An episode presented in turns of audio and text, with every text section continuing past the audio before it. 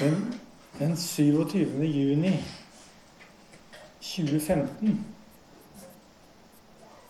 da klatra en ung, svart kvinne ved navn Breed Newsom opp i en ni meter høy flaggstang utenfor delstatsbygningen i South Carolina. Og der river hun ned sørstatsflagget som vaia der. Dere vet sikkert at sørstatsflagget det ligner litt på det norske, bare at det har et Andreas, Andreas-kors, altså et diagonalt kors, og 13 stjerner. Dere vet sikkert også, eller antagelig har lagt merke til, at dette sørstatsflagget har blitt et symbol på rasisme. Såkalt hvit makt og motstand mot borgerrettsbevegelsen. Og mens politifolk og opphissede tilskuere ropte til henne fra bakken, så ropte Newsom tilbake i Jesu navn. Dette flagget skal ned. Dere kommer imot meg med hat og undertrykkelse og vold. Men jeg kommer imot dere i Guds navn. Og dette flagget skal ned i dag. Da hun kom ned, så ble hun arrestert og sikta for hærverk. Og det fikk et etterspill. Men hennes aksjon førte til en folkebevegelse som endte med at dette flagget ble fjernet permanent fra delstatsbygningen for framtiden. Det som skjedde, var at Bree Newsom brakte sin sak til torg. Reiste seg mot fordommene og skapte en arena for sitt budskap. Og denne dama var villig til å ta i bruk uortodokse midler for å oppnå det hun brenner for. Og under, forstår vi, så ligger det en utålmodighet, en person og et inderlig ønske om å skape en forandring. Vår utfordring er naturligvis helt annerledes. Men vi også trenger å la oss bevege av Guds kall. Vi også trenger å se på nytt de muligheter som vi har. I dag så henger det et flagg over kristen tro. I dag så henger det et flagg over evangeliet. Og på det flagget er det symbolsk altså minst 13 stjerner. Og på ett av dem så står det 'boring'. Kjedelig. Og på de andre så står det kanskje 'moralisme'. Utdatert. Intolerant. Overtro uopplyst osv. Det er en hel rekke anklager og fordommer som sier at troen på Jesus ikke er relevant i dag. Og det jeg vil si, er at dette flagget må ned. Det er et falskt flagg. Og det står til oss å finne et språk og et kroppsspråk som motbeviser disse fordommene. Som kristne så har vi et kall til å inkludere mennesker i evangeliet om Jesus. Eller sagt på en annen måte Vårt kall er kanskje å bistå mennesker til å oppdage at de allerede er inkludert i evangeliet.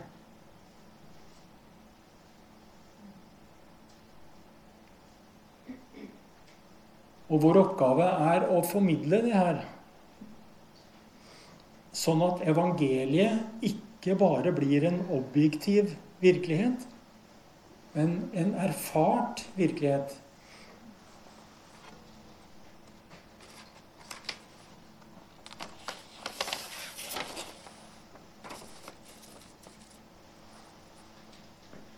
Vi må formidle evangeliet sånn, sånn at det kan bli et opplevd vennskap og en levende og åndsfylt relasjon. Og det store spørsmålet for oss er hva, hva kan vi gjøre for at flere mennesker skal åpne seg, senke garden, for evangeliet om Jesus? For vi vet at veldig mange mennesker har et eksistensielt behov og en åndelig lengsel. Men de søker ikke til kirka, søker ikke til evangeliet. For de blir skremt av det falske flagget. Og vår utfordring er, eller handler om, å rive dette flagget. Det handler om å knuse myten om at Kristus er begrensa til kirka, og at han bare tilhører de fromme. Kristus tilhører alle.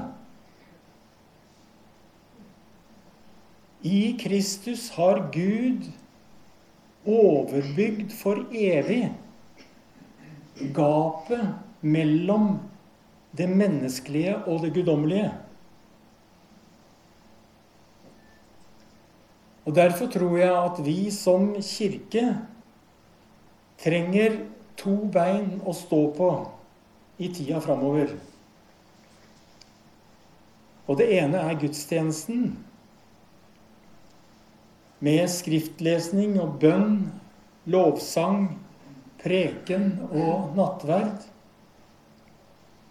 Men det andre benet, som jeg har tenkt å si litt om i formiddag Det andre benet vi behøver i tida framover, det er Eller det kan vi kalle møteplasser. Eller arenaer hvor mennesker får komme med sine funderinger. Og hvor de får komme uten, uten å bli møtt med ferdige svar uten å bli møtt med forsvar, uten å bli møtt med dogmer, men å bli møtt med respekt, aksept og kjærlighet. Og nå henviser jeg til den tegningen som henger på skjermen her oppe. En del av oss var eh, på LED-konferansen i Larvik for noen år siden og hørte Runar Eldebo og så han tegne en skisse av menigheten. Hvor han tegna da Hva står det her? Eh, entré, eller forgård. Entré, stue og kjøkken. Eh, eller forgård, det hellige og det helligste. Det er en skisse som stammer fra en bok han har skrevet, som heter 'Tilbake til forsamlingen'. Og i denne boka så slår Runar Eldebo fast noe som jeg tror vi har vært inne på tidligere, at forgården, eller entreen, i denne tegningen vil bli mye viktigere for menigheten framover. Og det er noe vi må ta inn over oss og være oppmerksomme på. For jeg tror at Runar Eldebo har rett. Og at dette er en virkelighet som vi må ta konsekvensene av. Vår arena her i stallen, som vi deler med stallen Bodega og stallen Scene, gjør at vi befinner oss midt i sentrum av kulturlivet og utelivet i Horten.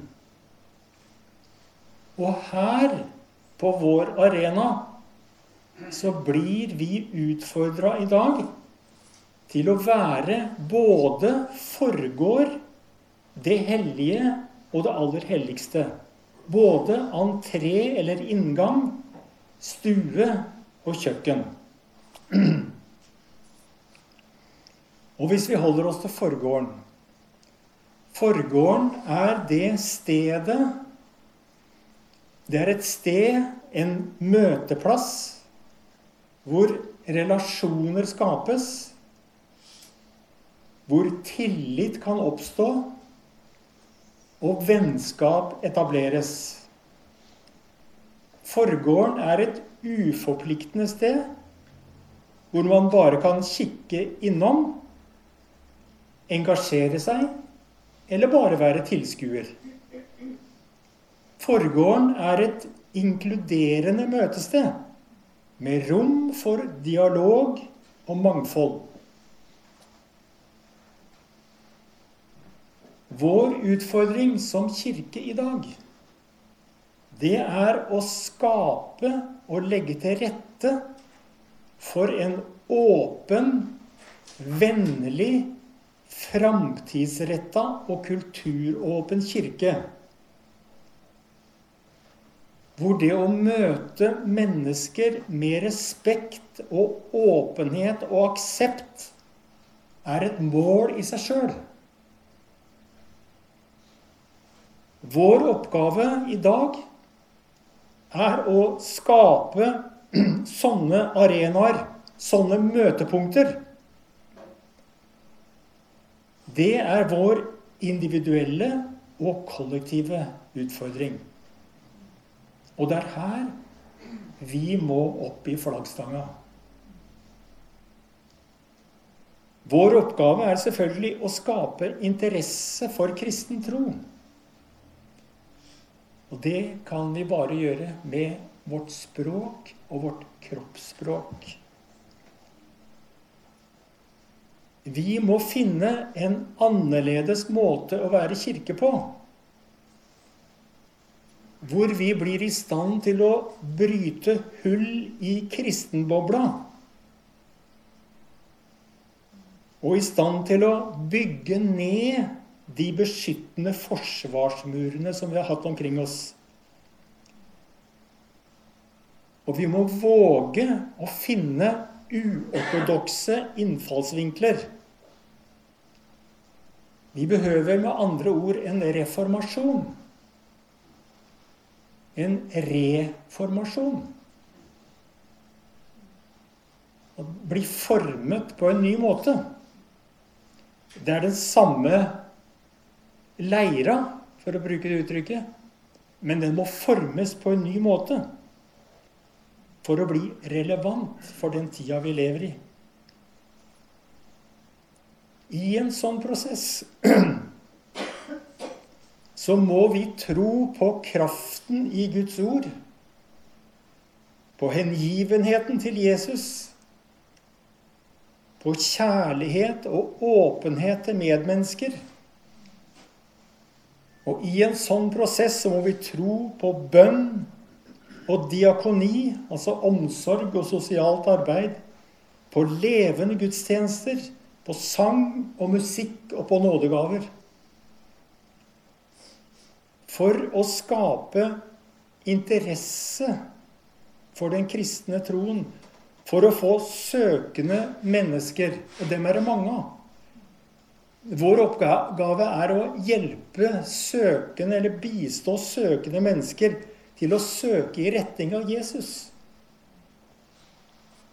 For det gjør det ikke. Og hvis vi skal ha en betydning for søkende mennesker i dag, så må vi være villige til å gå sammen med dem, hvor de enn er, altså på sin vandring. Sammen med dem på den strekningen det tar for å gå fra skepsis til tro.